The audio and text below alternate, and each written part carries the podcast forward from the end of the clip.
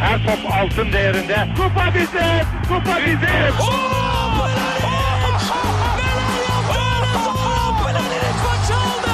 Dengeli de attı. İsabeti de buldu. Magna Fontervi. Zora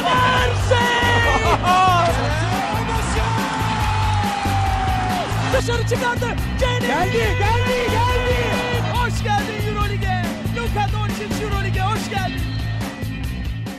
İkili Oyun'un 108. bölümüne hoş geldiniz. Ben Serkan Mutlu. Mikrofonun diğer ucunda baş yazarlarımız Ali Aktin ve Tancan Fümen var. Selamlar beyler.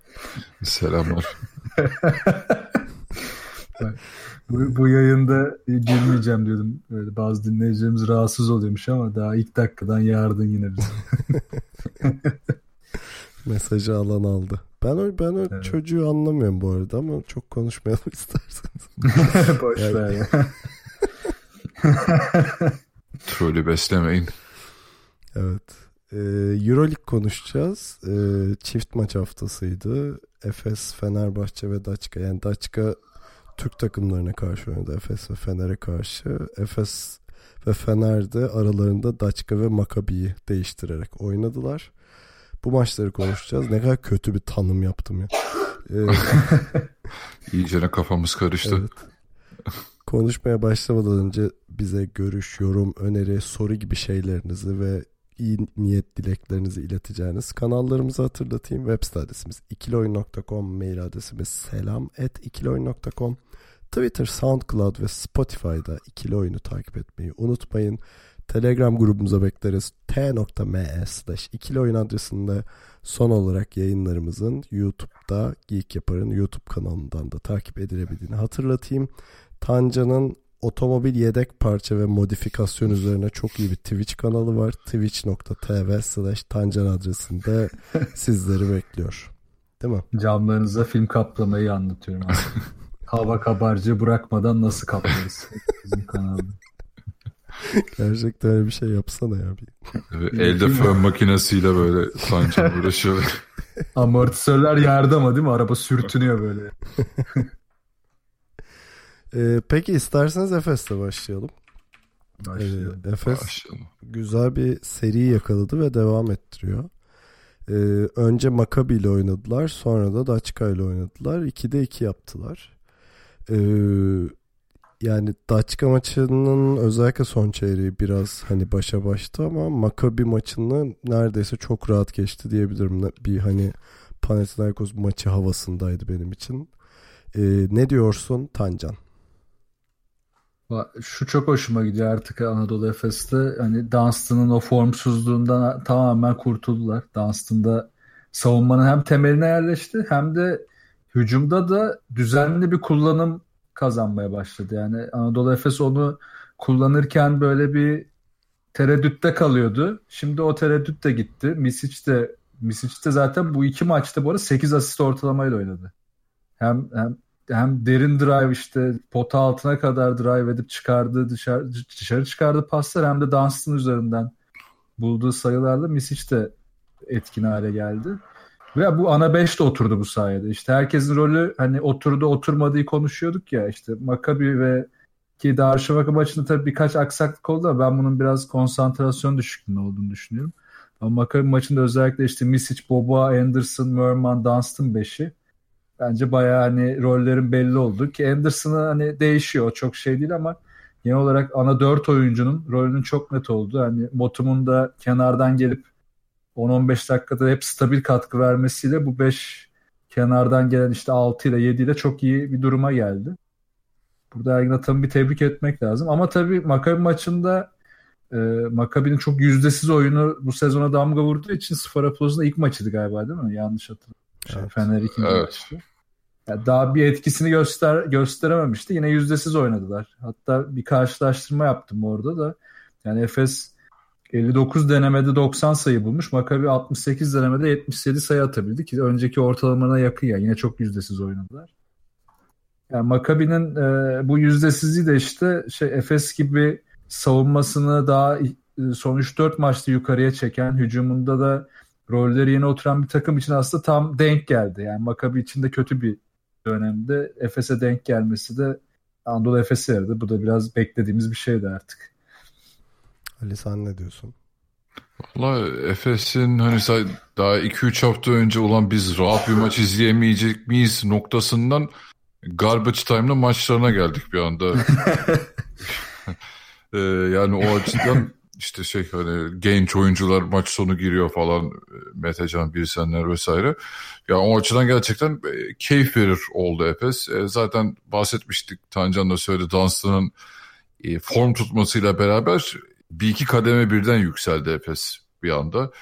E, savunması çok daha yerine oturdu. E, hücumda zaten şu an e, Euroleague'in e, en iyi dış atıcı takımı konumunda Efes. E, oyuncular bireysel olarak formda. E, ben mesela bu kadro ilk açıklandığında biraz Muarman'dan falan şüpheliydim ama o da yani şey benim beklentilerimin çok üzerinde oynuyor bu sezon. Yani her şey tıkırında. Bir de şey işte Larkin de geri döndü. Ergin Ataman onu da nasıl kullanacağını şu an iyi çözmüş durumda. Hani e, bir X faktör gibi hani sonradan oyuna sokarak e, bir skorer katkısı alıyor ondan. E, o da bunu yani su iki maçta hiç yadırgamış e, gibi gözükmüyor. İyi de katkı verdi. E, yani gerçekten her şey yolunda gidiyor şu an için. Ee, yani burada dediğim gibi Dunstan'ın, ya Mitsic zaten e, çok formda. Dunstan'la beraber oynayınca bayağı keyifli olmaya başladı o ikili. E, Plyce'ın süreleri düştü haliyle normal olarak. Ki gerçi hani bu, bu iki maçta öyle çok hani Dunstan'ı da 38 dakika oynatmaya e, gerek duyacak bir durum olmadı. Orada da şey rotasyonu yerlerde Ergin Ataman. E, Plyce da süre alınca yani hiç e, o yokluğu hissettirmedi, aratmadı o da formda çok şey yani her şey tıkırında diyebiliriz. Hı hı. Ya Plyce ve Dunstan'ın süreleri evet Dunstan lehine e, bozulmaya başladı. Bu Efes için iyi haber zaten. E, bunu söylüyorduk hep ama e, Plyce'ın verdiği katkı da değerli. Bu arada bu sene bir de e, dış atışa da başlaması gibi bir gerçek var. E, ama onun dışında da mesela 3. çeyreği hatırlıyorum e, Larkin, Doğuş, James Anderson, Motum, Plyce'lı beşi vardı Efes'in. Ve savunmada iyi iş yapıyorlardı. Hani Ergin Ataman böyle beşleri de denemeye başladı. Ya bunlar genel olarak Efes adına benim çok hoşuma giden şeyler. Yani özellikle Ergin Ataman böyle beşler denemesi konusunda çok destekliyorum şahsen yani. Ya bir de o Orada şu var hani bu beşleri denerken Plyce'da Motum'un işte o çok stabil katkıları çok değerli. 10-12 dakika 15 dakika maksimum süre içerisinde hem yüksek yüzdeyle şut atıyorlar yani skor üretiyorlar hem de savunma katkısını da çok bozmuyorlar. E yine buradaki soru işaretimiz Larkin tabii. Larkin'in e, bu ana rotasyonda hala tam bir oturmuşluğu yok. Ama Boboa böyle oynadığı sürece de pek sorun da yok. Yani mesela Larkin herhalde şu kadroda en sırıtan isim bence. Ee, mesela Aldığı paradan da o biraz sırıtıyor tabii. Bu takımın en çok kazanan oyuncusu olduğu için hani sanki o lider olacak, takımın bir numarası olacak gibi düşünüyorduk biz e, sezon başında. Bayağı roller değişti. Ya mesela Maccabi maçında dördüncü çeyrekte yaptı o skorunu. E, Daçka maçında gene hani birkaç tane şöyle hançerimsi şeyi vardı. Ee, bir tane üçlüğü vardı. Bir iki de pot altından bitirdiği falan vardı ama çok sınırlı ve böyle durumsal bir e, oyuncu halinde hala. Hiç öyle maçı tek başına teslim edebileceğim bir değil. Yani orada e, Boboa, e, Simon ve Mitsic üçlüsü çok daha iyi iş yapıyor Efes adına. Boba bayağı iyi formda. Şimdi Efes'in hani asıl çekirdek kadrosu şu an çok iyi işlediği için e, sen rotasyon ya da farklı kadrolar beşler denediğinde sahaya hani bu şey olmuyor hani bir panik butonu beşlisi olmuyor. Hani olan bizim şey ana plan sıçtı hemen ikinci planı deneyelim hani belki bunlardan bir şey çıkarırız denemeleri olmadığı için orada da çok daha rahat akıcı bir durum oluyor. Ya zaten Daçka maçı işte e, biraz da deneme maçıydı Ergin Ataman için. İşte hani o ana 5 din dışında hani Larkin'i işin içine sokup diğer kenardan gelen oyuncuları işin içine sokup ben oyunda ne kadar kalabilirim, Larkin ne kadar kazanabilirim. Zaten bunu yapmaya çalışırken o fark biraz eridi. Yoksa 3. periyotta çok açmıştı Anadolu Efes arayı. Son çeyreğin yani maçın sonunda bile Larkin hala sahadaydı. Onda yani biraz orada kazanma çabası var. Ee, bu da yani hedef maçı yani kazanmayı denemek için en iyi maçlardan biri de sonlu zorlu geçti ama Anadolu Efes'in bir şekilde kazanacağı da belliydi açık maçını. İyi buradan Daçka'ya da geçmiş olalım. Ee, ona da geçelim. Yani Daçka adına söyleyecek çok şey bulamıyorum. Yani şöyle e, sezon başından beri konuştuklarımıza çok ekleyeceğim bir şey yok açıkçası. E, ama şey açık görünüyor yani özel bu maçta da vardı öyle anlar. Böyle e, 6 sayıyla önde olduğu maçta bile kendisi oyundan düşmeyi başarabiliyordu Açkan'ın. Hani böyle bir panik hali oluyor, bir şey oluyor, bir motivasyon kaybı oluyor ve bir anda bakıyorsun herifler oyundan düşmüşler. Ee, ya gerçekten bunun olmaması lazım. Çünkü Efes'i yenebilirlerdi İstanbul'da düşününce. Ya o biraz fazla yani e, sezon başından beri hiç o özgüven oturmadığı için takımda ben biraz ona bağlıyorum. Yani gerçekten yani işte 5 sayı 10 sayı bile öne geçseler bir şekilde karşı takım vitesi arttırdığı zaman e, hani geriye düşeceğiz. İşte şutlar girmeye başlayacak falan psikolojisi e, ister istemez oluyordur. Yani ben şeyde zaten şey e, Fenerbahçe maçında e, şey tribündeydim. Yani Fenerbahçe gerçekten o maçı böyle ikinci, üçüncü viteste falan kazandı. Yani hiç zorlamadan, bol bol rotasyon yaparak, hiçbir oyuncunun üzerine yüklenmeden rahat rahat aldı. Yani Darüşşafaka bunlara şey bile veremedi hiç. Karşılık bile veremedi. Ya ee, Fener maçı öyleydi ama Efes maçında maç geldi yani da açıkçası. Hatta sonlarda şey vardı hatırlarsanız. Fark 3 sayı Efes lehine. Ee, böyle üst üste 2 rebound bırakıp e, sonunda Muerman bitirmişti galiba. Yani o pozisyon oldu. Evet. Dönüşte Evans faal olup ilk faali airball falan attı. Yani bu hmm. karar anlarında elleri ayaklarına dolaşıyor adamların. Yoksa alacaklardı maçı yani. Ama şunu da söylemiştik pardon araya giriyorum yine. Ee, o karakterde oyuncusu yok bence Darüşşafaka'nın sorun orada. Ray McCallum o adam değil yani. Dur, maçı öyle şey ağırlığını koyup tamam beyler bu iş bende Hani siz de arkamdan gelin adamı değil bence. Değil değil katılıyorum kesinlikle. Bir de evet. Tancan'ı da konuşturmadık ama. Yok be ee, bir şey demeyeceğim zaten öyle falan diyeceğim. Ee, şey de devam ediyor. Michael Erick'in süre şeyi mesela yanlış hatırlamıyorsam e, Fener maçında ilk 7 dakika oynamadı. Efes maçında da öyle. Yani ilk 5 başlatmıyor kesinlikle.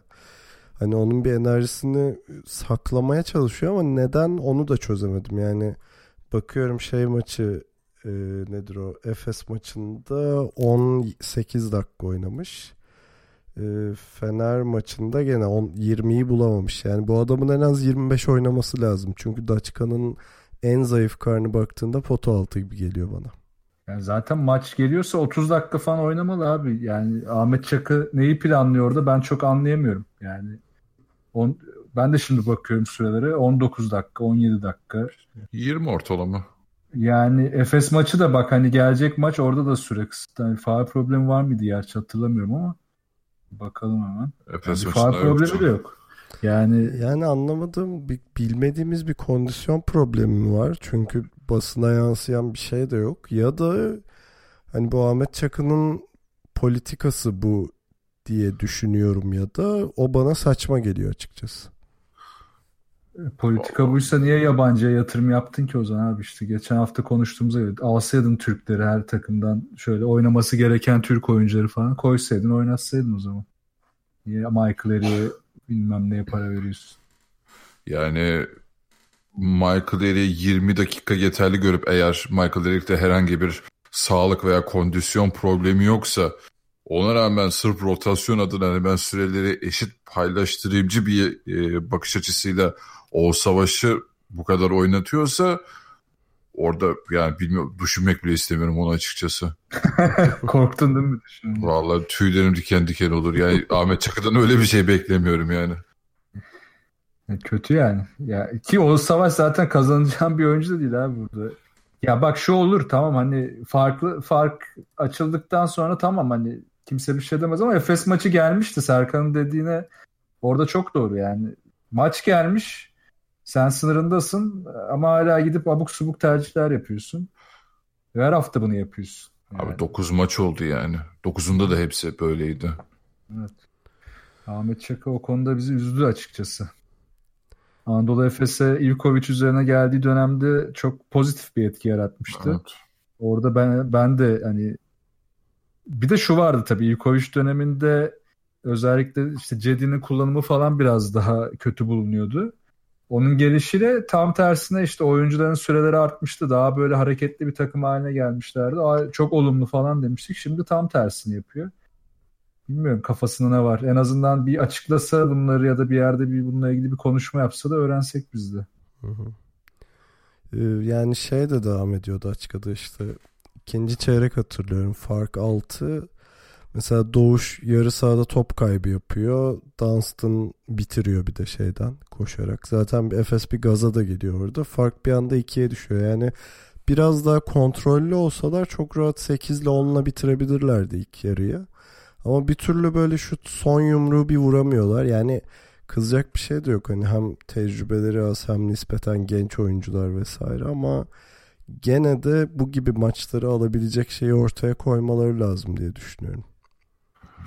Ya, takım da o inancı göstermiyor ya maalesef. Tabii şeyden de bahsetmek lazım herhalde. Üçüncü çeyrek Boboa ve Plyce'ın üst üste üçlükleri hatırlıyorsunuzdur onu. Evet. Önce evet. Boboa attı, Plyce attı. Boboa iki tane daha attı. Sonra Plyce bir üç daha attı. 15 sayı buldu Efes böyle iki dakika içinde falan yani. Çok hızlı oldu orada her şey. ve aslında Boboa'nın bulduğu üç üçlük şeyden bir de dipten. Yani hep aynı oyunu yiyip durdular. Ya işte Darüşşafaka bir bunlara düşüyor. Yani rakibin e, tepkilerin işte Anadolu Efes'in o hareketli geçişlerine ya da Fenerbahçe'nin çembere yakın oyununa hiçbir şekilde karşılık veremiyor. Üstüne onlara bir antitez yaratacak bir oyun planı geliştiremiyor. Hani iki maçı üst üste izlediğimiz için söylüyorum. Üstüne de iyi savunma yapamıyor. Hani hiçbirini yapamıyorsan hücumla ilgili bari savunmayı üst düzey yap. Ya da buna çabala. Orada da hani belli dönemler ufak bir çabalama görüyoruz. Sonra çok hızlı düşüyor. Efes maçı da bunun örneği. Mesela Budućnost CSK maçını izledim bugün. Hani çok acayip maç olmuş. Ya kaç 20 sayıdan falan döndüler. Ve iyi yaptıkları şeyler var. Bir anda tam sağ baskıyı arttırdılar. Yarı sahada e, ilk topa hep baskı yaptılar ve dış şut buldular. Aslında çok da mükemmel kombine ama komplike bir oyun oynamadılar. Çok basit iyi yapabilecekleri şeylere odaklanıp CSK'nın da kötü yaptığı şeyleri kazımaya devam ettiler. Aslında Jalgiris Geçen sene Jalgiris örneği. Jalgiris'in de kadrosu tamam Daçka'dan daha iyiydi tabii ama hani düşük bütçe konuşulduğu zaman demek ki bu düşük bütçeyle de daha iyi takımlar kurulabiliyor. Hani bunu daha önce işte Galatasaray üzerinden de çok konuşmuştuk geçmiş yıllarda. Belki de işte artık yavaş yavaş şeye geleceğiz. Yani Darüşşafaka'nın e, bu kurulan takımı yani sezon başı konuştuğumuz işte bireysel herkesin takılacağı bir takım amacına hizmet ediyor şu anda tamamen. Hiçbir şekilde takım olamıyorlar. Demek ki en baştan bir hata varmış. Aslında işin garibi öyle de oynamıyorlar. Yani o kadar da herkesin bireysel oynadığı bir halleri de yok. Onu da ee, yapamıyorlar. Evet ama yani benim gördüğüm hep aynı oyun oynanıyor. Yani bir oyun planı hiç değişmiyor Darüşşafaka'nın. Öyle bir e, tek düze bir hal. Yani hiçbir şekilde ne bileyim ilk topa baskı yapayım, savunma stratejimi değiştireyim falan gibi oyun değişiklikleri dö- dönmüyor sahada. Belki de böyle bir sorunları var yani. Yani biz zaten işte yani yine hep aynı noktaya geliyoruz yani e, sen işte Michael Eddie 18 dakika oynatıp 20 dakika o savaş oynattığında yani o şeyi de yapamıyor esnekliği de sağlayamazsın ki farklı bir şey denersen yine darmadağın olacaksın yani. Evet. E, ya peki geleneksel Darüşşafaka konuşmamız da bu olsun. Yine ee, söylene söylene fazla fazla konuştuk. ee, son olarak Efes'i överek bitirelim isterseniz. Yani gerçekten yükselen bir grafik ve hani beraber oynamaya iyice alıştılar. Bir de oynamaktan da zevk alan bir tavır. Uzun zamandır Efes'te görmek istediğimiz bir şey. Açıkçası çok mutlu oluyorum yani. Bir de şimdi 3 maç üst üste zorla bir viraja giriyorlar. Çok iyi bir sınav olacak onlar için açıkçası. Ha, onu bir görmek istiyorum işte yani. Nispeten... Hemen ekrana yansıtıyorum. hayır, hayır. Yolla. Yok nispeten daha kolay bir fikstürden iyi geçtiler yani. E, Real, Olympiakos, CSK gibi şeylerle takımlarla oynamadılar daha. Panathinaikos'u İstanbul'da ağırladılar falan. Şimdi bir şeyi göreceğiz yani üst üste Baskonya, Real Madrid, Olympiakos maçları var. Ee, hani orada bir göreceğiz bakalım hani gerçek Efes aslında şey miymiş bu muymuş yoksa e, büyük takımlara karşı tökezliyor muymuş ama olmayacağını düşünüyorum yani Efes'in o havayı yakaladığını özellikle İstanbul'da da e, taraftarla çok iyi bir bütünleşmeleri var. Uzun yıllardır görmediğimiz bir şey bu Efes adına hatta. Ya bu arada şeyde sorun değil bence yani bu maçlarda kayıp da yaşanabilir. Ee, o da bence sorun değil ama burada hani sahadaki duruş, oyunda ne kadar kalma, bu kendi planından ne kadar kopmama vesaire onları görmemiz açısından e, önemli olacak bence. Tabii tabii. Ya Efes'in şu, şu özelliği iyi oldu bu bakımdan. İstediği maçları gerçekten isteyerek oynuyor ve hiç motivasyon düşmüyor. İstediği maçlarda da motivasyon düşüyordu eskiden. Mesela işte Darüşşafaka maçı buna örnek. Yani maçı biraz böyle rahatlatınca hemen şey bırakıyor. Ama diğer maçlarda Panathinaikos Maccabi üst üste çok iyiydi. Milano maçı çok kötü oynamasına rağmen oyunda kaldı. Bu da çok iyi bir işaret. Fenerbahçe'yi yendiler zaten. Hani ligin tepesindeki en önemli galibiyetlerden biri ki Fenerbahçe'yi e, Efes'in yenmesi özellikle ligin tepesi için Efes açısından çok değerliydi. Şimdi tabii son hani 7. hafta ile 13. hafta arasındaki 5 maç içeride. 3'ünü oynadı, ikisi daha içeride. Baskonya Real Madrid de içeride üst üste. Bu maçlardan iki galibiyet gelirse Anadolu Efes'in ivmesi böyle bir anda iyice artabilir. Bu, bu imkanı da Ergin Ataman'ın kaçıracağını zannetmiyorum. Yani bu iki maçı ne olursa olsun şimdiden almanın bütün planlarını yapmıştır. Yani bir de sezon başında şey e, diyorduk ya hani herhalde Eurolig'in en zengin kadrolarından birini oluşturdu. Hani her şeyi yapabilecek bir kadrosu var. E, bakalım ne olacak diye ve gerçekten de o zenginliği sonuna kadar kullanan bir Ergin Ataman da var. Hani hocamızı da övelim burada.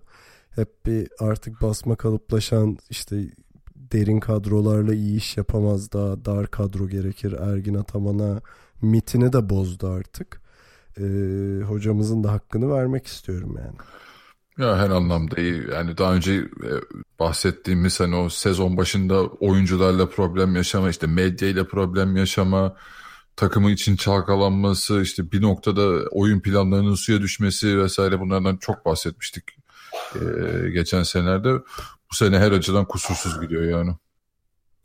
Bir korktuk bir, bir ara ama başta şimdi iyi. Hatta şu da iyi yani Panathinaikos maçıydı galiba. O maçı alırken Kor 5 30 dakikaların üzerinde oynadı. Sonraki maçlarda bunu bunda ısrar etmedi. Yine hemen rotasyonu dağıttı. Larkin'i tekrar kazanmaya çalıştı.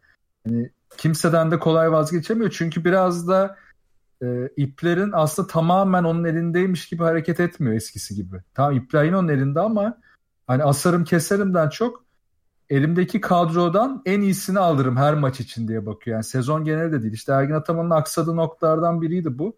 Maç özelindeki e, planları maç içinde sekteye uğrayabiliyordu. Onu da çözmeye başladı. Tabii işte bu Real Madrid ve Baskonya maçları bize üst üste daha iyi gösterecek bu durumu.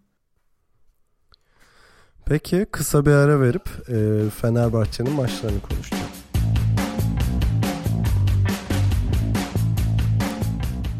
Fenerbahçe ile devam ediyoruz. Fenerbahçe'de önce Daçka'yı ağırladı ve herhalde katılırsınız rahat geçti. Sonra da bayağı zor bir Makabi deplasmanına çıktı. Bayağı zor deme sebebim işte birincisi Sferopoulos yeni e, koçun kendi evlerindeki ilk maçıydı ve yani maçın elektriğinden anlıyordum Makabi'nin bu maçı bir hani tekrar başlama maçı olarak gördüğünü. E, çok zorlanmasına rağmen tecrübesiyle aldı Fener. ee, yok, Tecrübesi yani. Yok yok çok iyi bir maçtı Fenerbahçe için. Ama isterseniz önce Daçka ile başlayalım. Ee, Ali senle başlayayım bu sefer de. Valla açıkçası Daçka maçı için hiç özel bir notum yok. Ben canlı izledim. Bayağı da sıkıldım yani son. Çok net oldu. İzlediğim yani şey bayağı da bir canlı maç izlemişim de yani gerçekten böyle rahat rahat hani hiç kasmadan izlediğimiz bir maç oldu. Ee, yani Darüşşafaka'nın tek şeyi planı e, McCollum'un biraz hani e, bireysel performans olarak kendi yaratıcılığını biraz daha yukarı çekip onunla oynaması. İşte Michael Erik'in yine süre aldığı e, zaman diliminde etkili olması dışında hani Fenerbahçe biraz da şimdi şeyde düşündüğü için yani ikili maç haftası hafta sonu üzerine lig maçı oynayacak yani iki günde bir maç temposuna giriyorsunuz bu haftalarda. E, oradan o yüzden e, rotasyonu çok şey sık kullanarak ya da sık değil pardon geniş kullanarak e, rahat bir galibiyet aldı açıkçası hiç böyle maçta e, bir zorlanma vesaire yaşamadı falan. Zaten ilk çeyrek skoru da 25-10'du yani hiç üretemedi Darüşşafaka. Sulukas tatil yaptı zaten bu maçta resmen.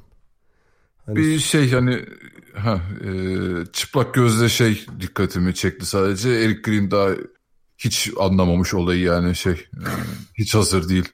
Yani hücumda setlerde falan top elinde kalıp ne yapacaktık lan ne oynuyoruz falan durumuna düştüğü oldu yani. Ya Normal yani.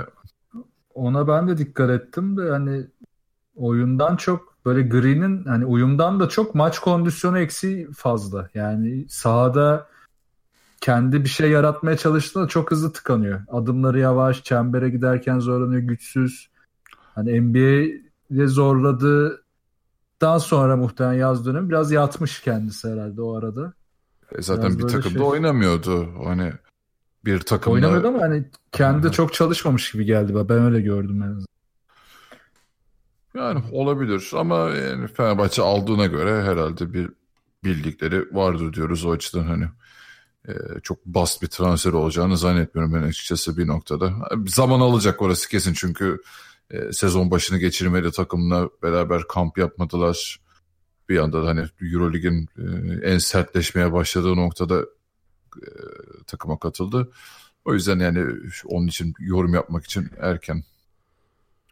Ben şeyi anlamıyorum abi. Bu maçta Eric Green'i özel olarak tuttu Sado Obradovic. Ee, ya Fenerbahçe'ye gelen oyuncuların şu ilk başlarda yaşadıkları türbülans evresi biraz uzun oluyor gibi. Ee, Kesinlikle. Hani bunu yaşamayan bir Lovern belki ya da daha kısa yaşayan diyebilirim.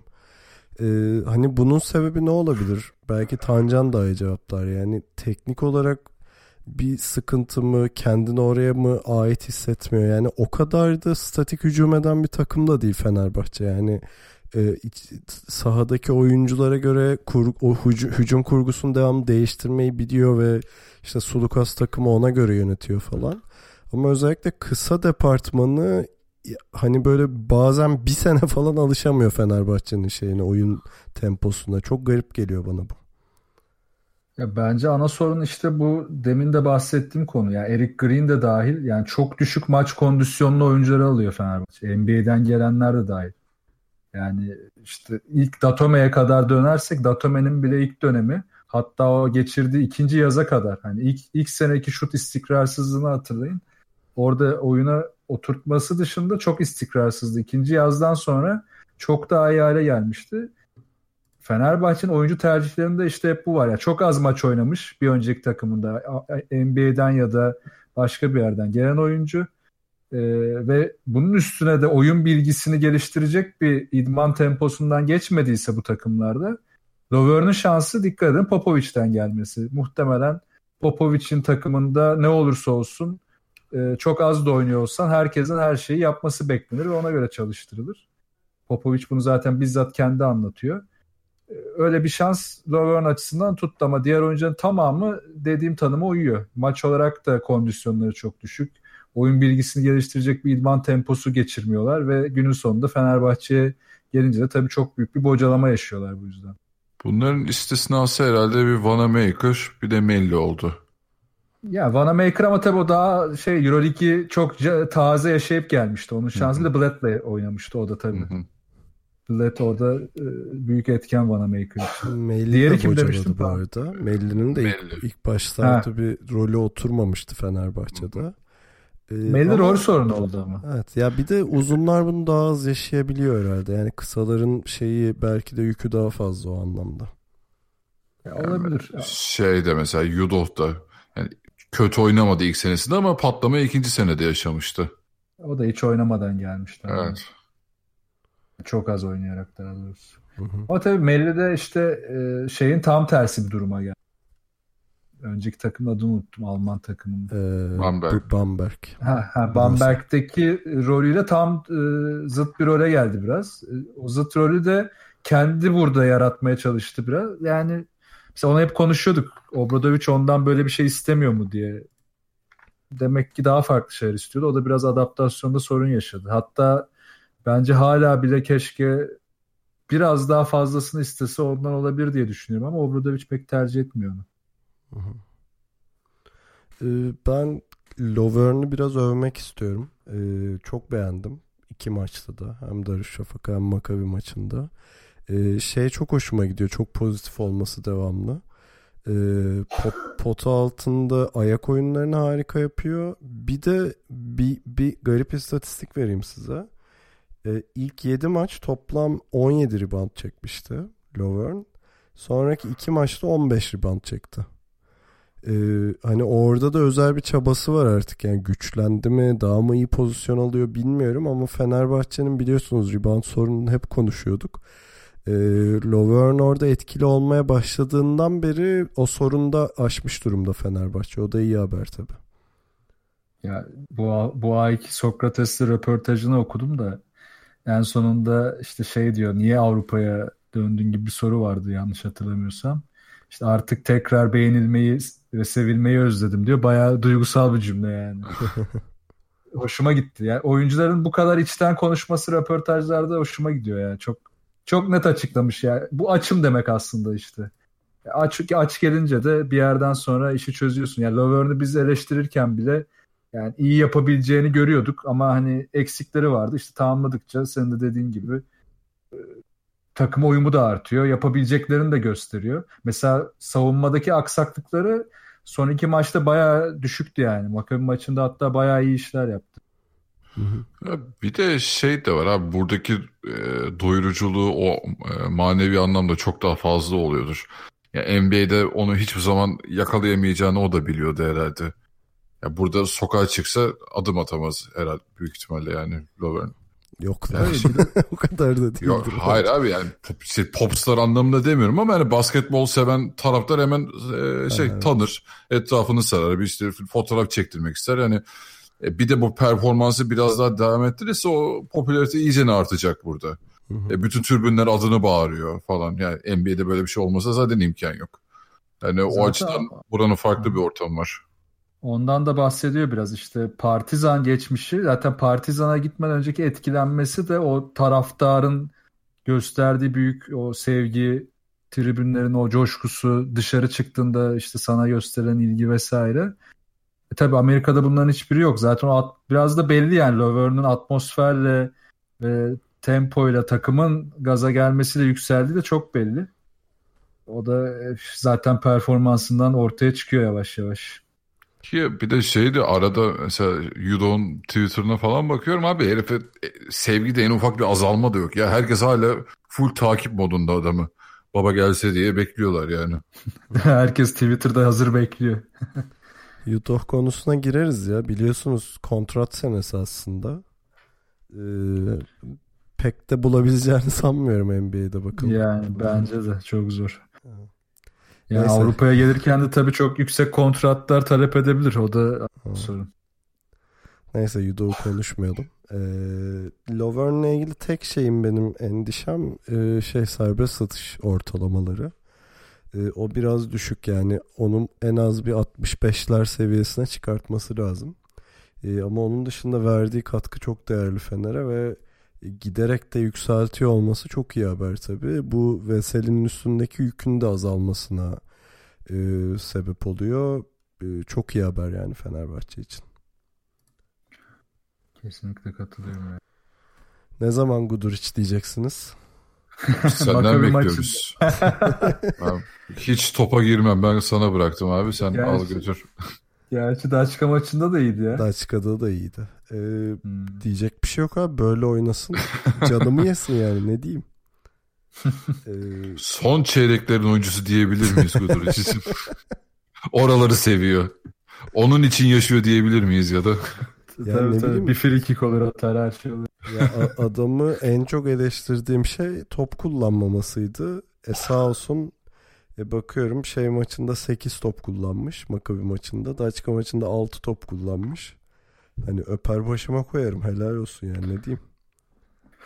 Yani Maccabi gibi böyle daha ilk çeyrekten e, maçı bitirmenin birebirlere kalacağının belli olduğu bir maçta birebir performansa diyeyim daha doğrusu kalacağının çok net belli olduğu bir maçta Guduric'in performansı maçı getirdi ya aslında çok net. Yani hele son bölümdeki performansı çok değerliydi. Ve kırdı da biraz sanırım. Yani o önceki maçlarda ona küfür ettiğimiz, kızdığımız konuları kırdı gibi. Ki ona rağmen birkaç yani o ritme girmeden önce yine de bir iki pozisyonu yine bir kesti yarım bıraktı bir bocaladı. Onun üstüne tekrar bir yanlış hatırlamıyorsam Obradovic yine bir yanına çağırdı. Çağırdı, bir şeyler konuşuldu. Şey o Orada bir- bence daha il- ilginç ya. Yani e, yani son dönemlerde zaten iyi bir performansı yoktu ya da ne bileyim hani bir çeyrek oynuyor, üç çeyrek e, batırıyor gibi bir durum vardı. E, Maccabi maçında da iyi başlamadı. Bir pozisyonda işte hani Obradovic'in fırçaladığı top kaybı yaptı. İşte yine köşede aldı, atmadı, içeri drive etti, Lovern'e vereceğim Ya, derken top kaybı yaptı ya, saçma evet. sapan. Bir Obradovic'ten fırça yedi. Yani e, maçın içine hiç girememişken son çeyrekte tekrar Obradovic'in ona şans vermesi ve oradan böyle bir performans çok acayip gerçekten.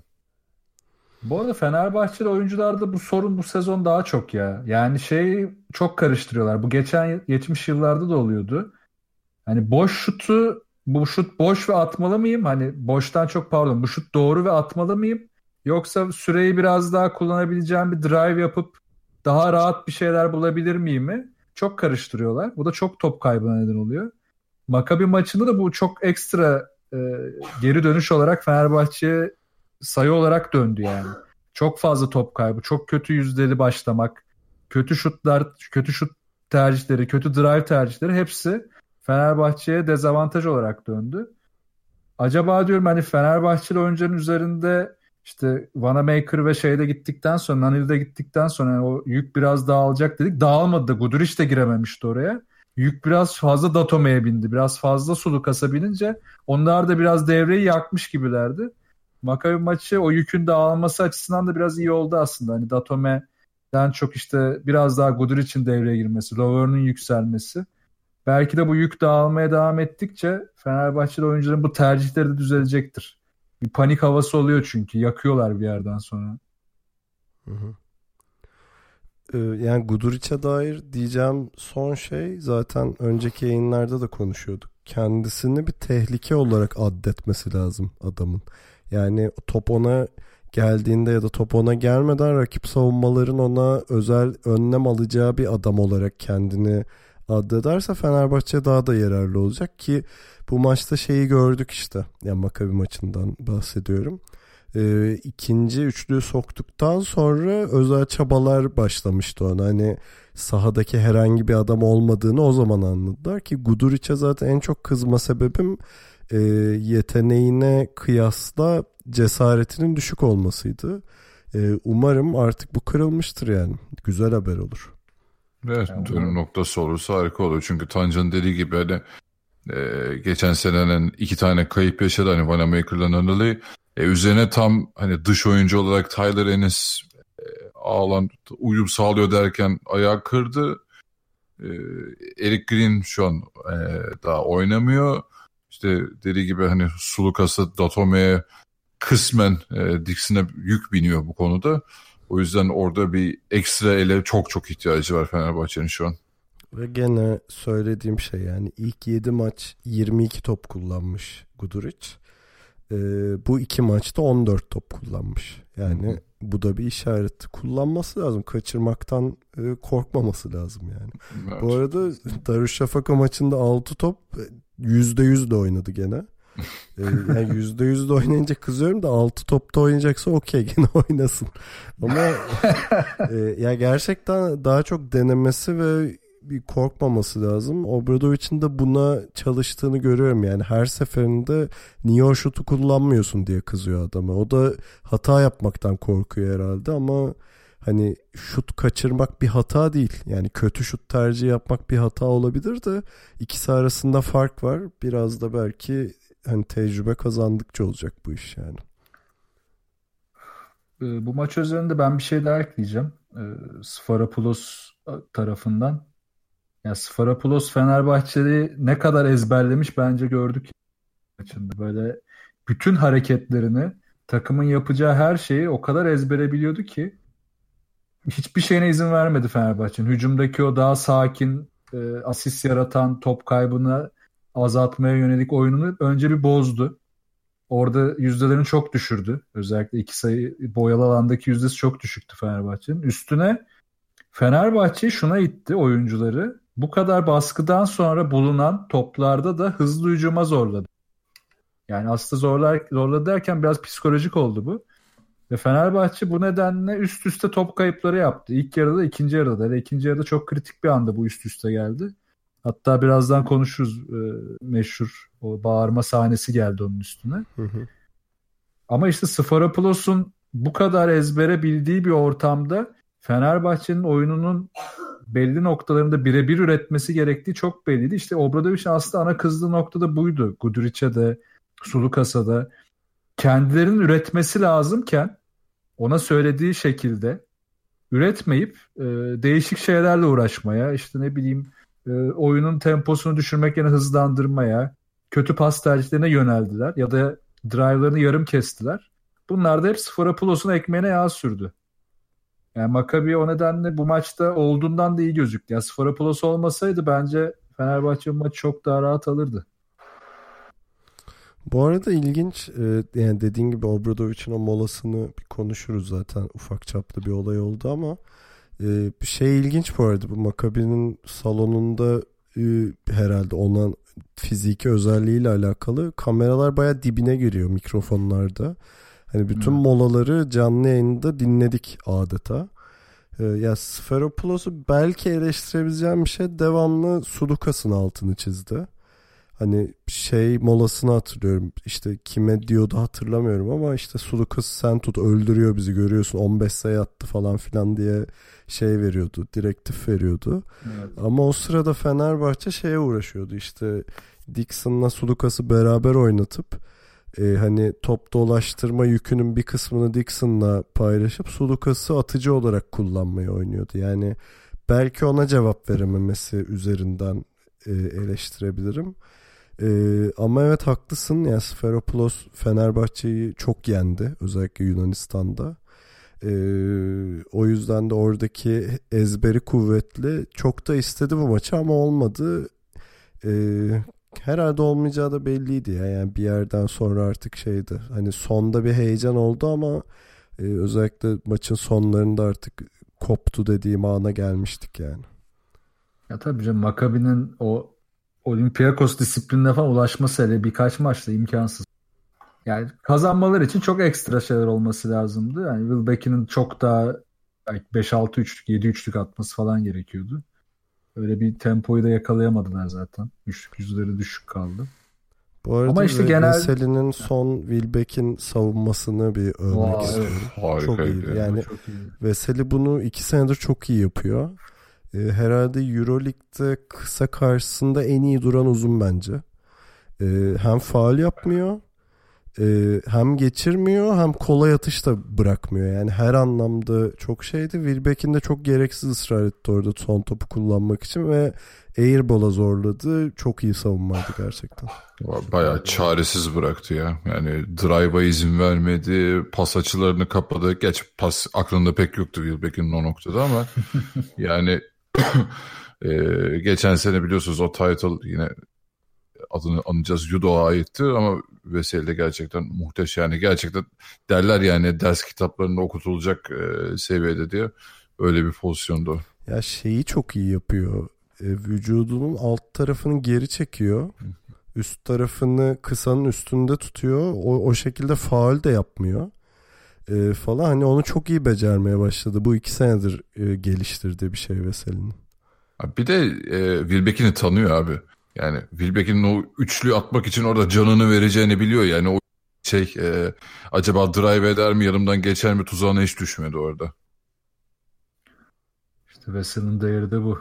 Savunma yapmıyor ama abi Veseli savunma yapmıyor. Peki şu molayı Şu bir kadar- konuşalım mı? Konuşalım.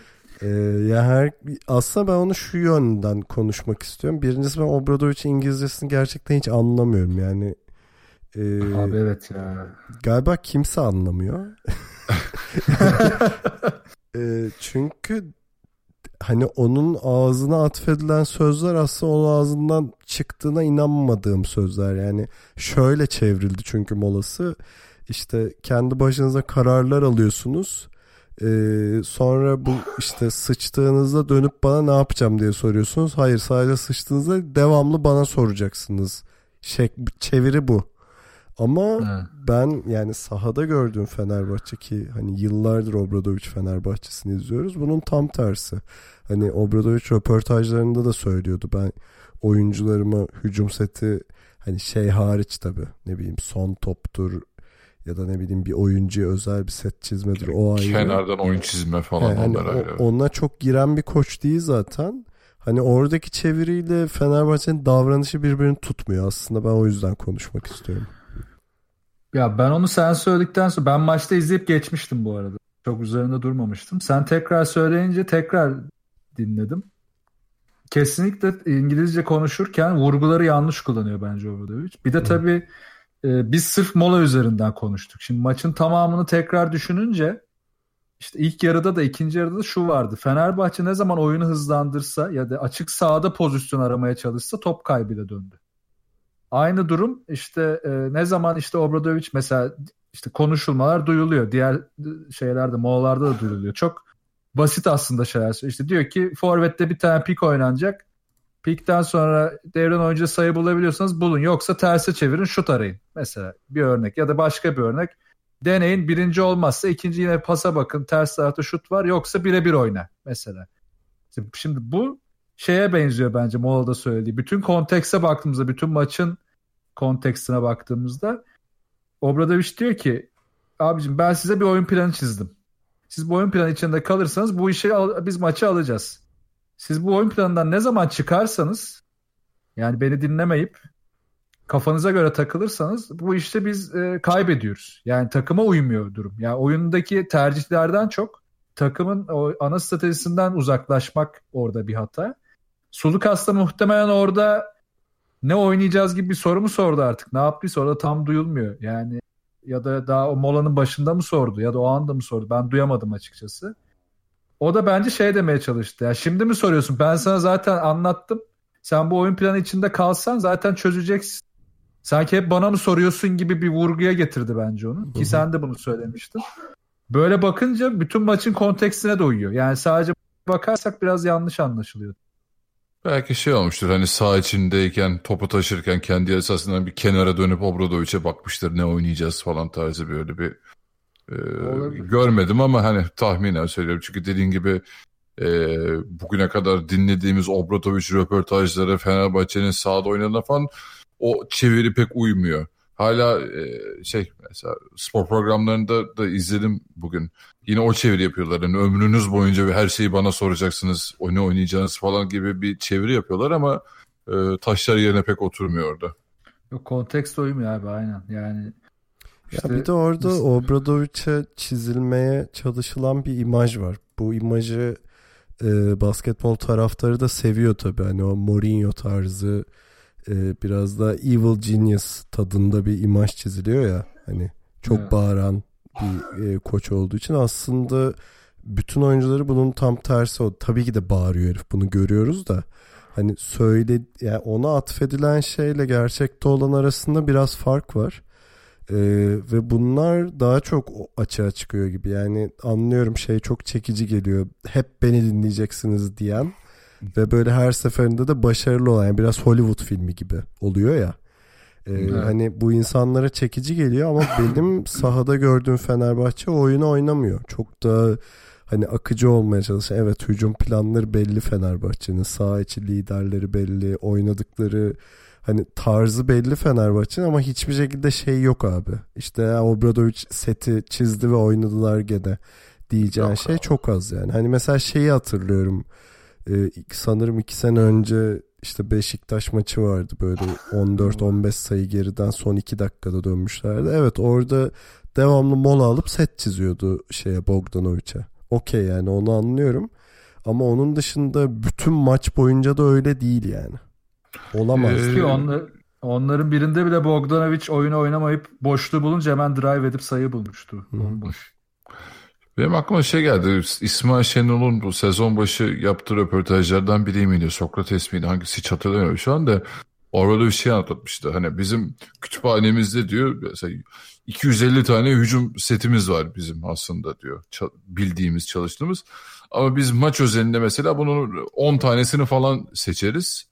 O maça öyle hazırlanırız gibi bir şeyler anlatmıştı. Hani Sulukas belki de o tamamen o planın dışına çıkmıştır sonradan da hocam ne oynayacağızdır, e, ne oynayacağız gibi bir e, soruyla gittiyse orada tabii e, işte sonra malum görüntüler ortaya çıkmış olabilir. İşte e gene aynı röportajda şey dediği ben oyuncularıma hangi hücumu oynayacaklarını hiçbir zaman söylemem dediği de aynı röportajdı zaten. Evet evet aynısından bahsediyoruz herhalde. E, çok da uzağa gitmeyelim abi Erdemcan işte bizim programımıza geldiğinde e, bahsetmişti. Bu bağırma kısmının aslında çok büyük ve derin bir arka planı var. Yani bu o bağırma kısmı sadece sahada oynanacak oyun o bambaşka bir dünya. Tabii işte o sosyal medyada yine Serkan'ın dediği gibi işte sevildiği kısmıyla alınıyor. Halbuki o bağırmayı yapabilmek için Obradovic 6 senedir uğraşıyor yani burada. Hani çıkıp da ilk maçtan bağırdığı bir durum yok oyunun strateji tarafında da hani bizzat yine seminerde gördüğüm için söylüyorum Obradovic'i.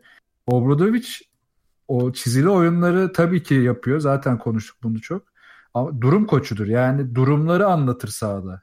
Bize bile bir buçuk saat içerisinde o seminerde herhangi bir şey çizmekle, cartla curtla uğraşmadı. Her topun her indiği noktada, topun işte tepedeyken, low posttayken, işte dirsekteyken, şuradayken, buradayken olabilecek durumlar üzerinden varyasyonları anlattı ve bunlara oyuncuların nasıl hazır olabileceğini gösterdi. Ve 10 dakika, 15 dakika içinde bile sahadaki genç oyuncular hemen bir gelişme gösterdi. Yani tepki verdiler. Obradovic işte bu yüzden o maç özelinde seçtiği oyunlar haricinde bir strateji belirlediyse ve Sulukas bu stratejiden çıkıp bir şeyler yapmaya çalıştıysa ki bunu yaptı zaten. O oyunu hızlandırmaya çalıştılar. E, Dixon da bunu yaptı. Şutu soktu kurtardı. Sokamasaydı muhtemelen benzer azarı o da yerdi. Ki hatta yemiş de olabilir. O molayı görmedik. Yani Dixon da çok benzer bir azar yemiş olabilir. Yani işte bundan çıkınca da Fenerbahçe çok hızlı dağılıyor. Obradoviç de bunu bildiği için e, ve molada da gidip şöyle uyaramazsınız. Arkadaşlar lütfen hızlı hücum yapmayalım. Bak, uyarıyorum kibarca uyarıyorum yapmayın ya falan diyemezsin. Çünkü oyuncu böyle boş boş bakar sana. Bağırman lazım orada yani. Ya bu da kontekste uyuyor yani. Ama evet herhalde fark yani o kadar da insanların düşündüğü kadar mikro management yapan bir adam değil yani. Hani evet şey tercihlerini görüyorsun. Hani oyun planı şaştığında hemen mola alması. Yani Obradovic molası diye bir şey var. Ama molalarda da dinlediğim kadarıyla hiçbir şekilde şunu oynayacaksınız değil. Aslında sorunları söylüyor ve oyuncuların çözmesini istiyor. Çünkü zaten e, Fenerbahçe'nin bunca yıllık başarısı da bence buradan geliyor. Oyuncuların e, hani saha içindeki durumlara verdikleri cevaplardan geliyor. E, belki de şeyin cevabı da budur. Hani Fener'e gelen yeni gelen oyuncuların yaşadığı tökezlemenin şeyi de budur. Sebebi de budur yani. Çünkü bu bir yandan da hani mekanik bir şey. O refleksi kazanıyorsun. Ee, yeni gelenler de o reflekslere şey ayak uyduramıyor herhalde. Kesinlikle o da ayrı bir sorun. Bir de farklı bir kültürden geliyorsun. Herkes aynı kültürde değil. Benzer bir koçtan da gelmediysen işin daha da zor. Mesela bir örnek vereyim yine maçtan. Yani Hı-hı çiz, bir şeyler çizmekten çok mesela Datome'yi 4'e çekip o uzun oyuncuyu da dışarı çıkartıp çember savunmasını zayıflattı ve Datome'nin dışarıdan şut bulup içeriden de Fenerbahçe'nin rahat hücum ettiği bir bir bölüm yaşandı. Ama Sfarapulos da buna hemen orayı e, yüksek tutup uzun tutup o bölgeyi içeride Datome'nin savunmasını zorlayarak hemen çözüm üretti. Yani mesela karşılıklı bir şey bu. Şimdi koçlar zaten genelde e, hiç çalışmadığı bir şeyleri board'a çizip oyunculara vermek istemezler. Çünkü iyice kafalar karışır. Ama bu tip işte oyuncu değişikliği, pozisyondaki değişiklik, roldeki değişiklik esas management buradadır. Yani sen oyuncuya o anda farklı bir şey yapmasını istemekten çok farklı bir rol verirsin. O rol üzerinden de takıma bir katkı sağlamaya çalışırsın. Sadece oyuncuya değil. Bunu da zaten Fenerbahçe yapa yapa yapa yapa maçı sonuna getirdi. Yani mesela Datome hiç çekmese belki o iki dış şut bulunamayacaktı. Çember savunmasını düşüremeyeceklerdi. Ama Datome bunları yaptı, düzeltti. İşte Sfarapulos başka bir karşılık verdi. İşte sonra şu oldu, bu oldu derken maçın sonunda Fenerbahçe aldı götürdü. Bunlar ufak ayarlar aslında. Ee, şeye geçeceğim. Fener'in şimdi üst üste 4 zorlu maçı var aslında ama ona geçmeden şey var notlarımda şimdi gördüm. Ali de tribündeydi. O Daçka maçındaki Gudur için fake'ini sen de yedin mi Ali? Tabii canım yani bir de uzaktan da izliyordum. Oha lan ne bir anda hani şey hiç, hiç beklemiyordum gerçekten şey e, çıkar çıkmaz size yazdım zaten hani gördünüz mü lan diye hayatının fake'ini attı diye. Sanırım Painers'tı yiyen ama onu yani televizyonda ben de yedim yani. Hani belki izlemeyen hatırlamaya vardır söyleyeyim. İşte dip köşeden bir e, pas geliyor. Havada yani yakalarken hani havada direkt yere inmeden köşeye indirecekmiş gibi fake atıyor. Painters orada uçuyor e, şeye topa müdahale etmek için ama top Gudur için de bomboş üçlük atmıştı. Çok güzel pozisyondu yani. İşte Guduric'ciğim sende bu yetenek var yap bunları hep yap. Lütfen. gözünün, gözünün yağını yiyeyim yap. Şimdi yapması neden önemli ona geçelim o zaman. Fenerbahçe'nin e, gelecek dört maçını okuyayım size. E, Barcelona ve Panathinaikos deplasmanları. Sonra evinde Milano ve e, CSK ile oynayacak Fenerbahçe. Gerçekten e, zorlu dört maç diyebiliriz yani buna. Yani Panathinaikos deplasmanını artık evimiz yaptık Bogdanovic'le biliyorsunuz. ee, yani tabii Barcelona'yı... Bu sene pabuç daha pahalı olur diye düşünüyorum. Tabii tabii şaka yapıyorum zaten yani e, Barcelona görece tabii biraz daha şey e, yine çok şey iyi bir başlangıç yapamadı ama onlar da bir yükselişti bu aralar. Ee, evet bir zor bir dönemeç bekliyor Fenerbahçe'yi. Ama Fenerbahçe'de form olarak yani hem bireysel hem oyun olarak düşük bir e, dönemde değil. Yani 5 maç kaç yıl 5 maç mı kazandı Fenerbahçe üst üste? 5 ee, ee, maç kazandı. Evet. Ee, yani evet ben çok fazla e, kayıp vereceğini düşünmüyorum açıkçası ama yani, sanırım hepimiz en çok CSK maçını bekliyoruz. Zor maç ya. Ama tabii Fenerbahçe'nin fikstürü de 6. Şimdi bakıyorum da 6 maçta 5 maç deplasman ya. 10, 11. Evet. haftaya kadar. Üf. Bir daha Arşafaka içerideydi. Ama Fenerbahçe için Barcelona ile Panathinaikos bu arada tabii ekstra hedef maç gibi oldu bir yandan. Hani ikisini de daha da aşağıya itmek pardon Panathinaikos'u daha da aşağı itmek Barcelona'da arayı açmak için önemli maçlar. Milano'da zaten ben bir noktada aşağı ineceğini düşünüyorum. Bu Fenerbahçe'de onu o e, şeye ekmeğe e, pardon yanlış oldu. O çorbaya tuz atar. e, ama tabii şey bir yandan da ters senaryoyu düşünüyorum. Mesela işte Barcelona kötü başladı, iyi devam ediyor. Bir gazları var ve Fenerbahçe'yi de hep İspanya'da yanlış hatırlamıyorsam son iki senedir hep elinden kaçırıyor yani e, bu sefer özel bir motivasyonları olacaktır. Fenerbahçe için zor bir deplasman olacağını öngörüyorum. Zor olacak evet. Yani çok kaçarı yok. Ama bak şunu da ekleyeyim ben. CSK'da CSK'yı işte Budućnost maçını izledim. Önceki maçlarına da yani göz atmıştım. Kazandığı maçların skorlarına da bakıp hani o maçlardaki performanslarına da bakınca CS çok böyle iplik üzerinde gidiyor yani. Çok ince bir ip üzerinde gidiyor bilmiyorum yani Fenerbahçe CSK'ya çok sürpriz farklı bir skor alırsa çok şaşırmayacağım. Hmm, CSK balondur diyorsun ve patlama güzel. E, Jiki çocuğumuz patlattı onu zaten ya. Maç sonu sevincini Aa, evet. gördünüz mü? evet ya. Zikic benim artık şey Ee, şey kimi yenmişti? Panathinaikos'u Kes- yendi galiba. CSK yani. Yok. Yok Baskonya, yok yok. sonra ha, Baskonya Baskonya. Ha ha Baskonya. Rekor evet. kırdıkları maç işte. Rekor kırdıkları maç Baskonya'ydı. Bir de üstüne CSK'yı hani şey 14 sayı geriden gelerek yendi yani. Gerçekten inanılmaz. Ve Ee, ya çok doğruları yaptı o maçta da ya Zikic. Ya helal olsun vallahi. Çok çok doğru tespitleri var maç içinde. Yani şeyden sonra da şovunu da yaptı. Oye oye diye geziyordu. Ağlamış lan zaten. Ağlamış mı? Tabii. Adamım ya. Süper koç abi. Ben çok seviyorum. onu. Hocam o kadar da ezdirme kendini ya. Euroleague takımısın sonuçta. Abi salon halini görmediniz mi? Hani Euroleague şampiyon. Landı yani dans edenler falan vardı. Sahaya indi millet falan. Ya şey çok güzeldi bence. Galatasaray'ın bir yıllar önce böyle Olympiakos Olympiakos'un iyi döneminde içeride yenmişti Galatasaray da acayip olay olmuştu. Ona benzettim bu maçı da. Ben dedim hani birileri çıkıp fileleri kesecek herhalde artık. Öyle seviniyorlar. CSK demişken şu süre olayına da mı değinsek acaba? Ha evet bir de o, o konu var.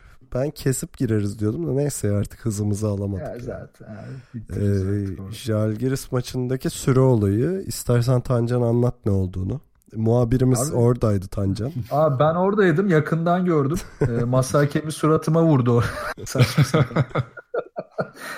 ya dördüncü çeyrekte son 1 dakika 10 saniye falan kala Jalgiris hücuma başlarken maç saatinde maç saatinde süre değişmiyor ama 24 saniye süresinde 18. saniye geldiği anda pat diye 13'e düşüyor süre. Hatta dedim genel saatte mi bir sorun vardı? Yok maç saati düz devam ediyor. 24 saniye süresi düşüyor sadece. Çok Bir acayip bir durum yani. Jalgiris 24 saniyeyi kullanamayarak topu kaybetti değil mi? Öyle Evet. bir şey var bir de. Aynen. Ki zaten orada nasıl kullanılmadı ben anlamadım. Herkes sakindi. Sonra herhalde maçtan sonra mı fark etti? O anda mı? Tam anlayamadım ama. Maç heyecanına kaynadı herhalde. Yani kimsenin fark etmemesi de çok ilginç. Ki zaten hakemler e, devamlı süreyi kontrol ederler ki çok örneğini görüyoruz. Basit konularda bile hemen o süreye bir bakılır geri alınır. Ya da işte e, arada işte 24 saniye dolduysa vesaire sürede bir kayma varsa ona da bak. Ama tabii maçta pozisyonda durmayınca ona da hiç onlar da hiç ilgilenmediler. Yani bir kasıt var deyip e, kahve muhabbetine çekmek istemiyorum hemen ama çok tuhaf bir durum. Yani muhtemelen itirazlar da yapılmıştır bununla ilgili. Sonuçta ne çıkacak çok merak ediyorum. itiraz etmiş Euroleague yönetimine ama neyi bekleyerek etmişler onu ben de bilmiyorum. Ee, yani kötü ku- niyetli değildir diye düşünüyorum ben de hani o- o kadar bariz şey olmaz yani gerçekten. Ama gerçekten enteresan yani. Yani Euroleague'in gerçekten bunlara daha çok dikkat etmesi gerekiyor. Bu sezon çok olay yaşadık be abi. Yani kim kim maçında evet. scoreboard faciası, yok işte salon duman altı oldu, Gran Canaria'nın şeyi parikesi, yok şey süre düşüyor falan. Yani sizin daha kaliteli bir ürün ortaya çıkarmanız gerekirken bu sene gerçekten hani bir kere bir tane olsa tamam diyeceksin hani scoreboard bozuldu düzeltilemedi. Okey de yani üst üste böyle her haftada bir saçmalık olunca da tadı kaçmaya başladı artık. Çok ilginç ya iş. Yani ben Masakim bir ben de şeyi seviyorum abi. Ee, meşale nedeniyle e, oyunun durduğu Avrupa maçlarını seviyorum. O, o işin ruhunda var yani. Meşale değil abi maç öncesi gösteri yapıyorlar Yani saha neyse, içinde ondan Anladım, yani. anladım. Ama evet. Ateşi hatırlıyorum. olsa okey diyeceğim yani ulan ateşli taraftar diyeceğim o da değil ya. şu konfeti falan atılır ya. Geçen Aris maçıydı galiba. Sen bir yerlerde gördünüz. Maç başlar başlamaz bütün e, zemin Hmm. konfeti doluyor. Ha, bir, bir beş dakika durur oyun falan. Ee, yıllar önceki Efes Aris maçı geldi bak şimdi. ne maçtı?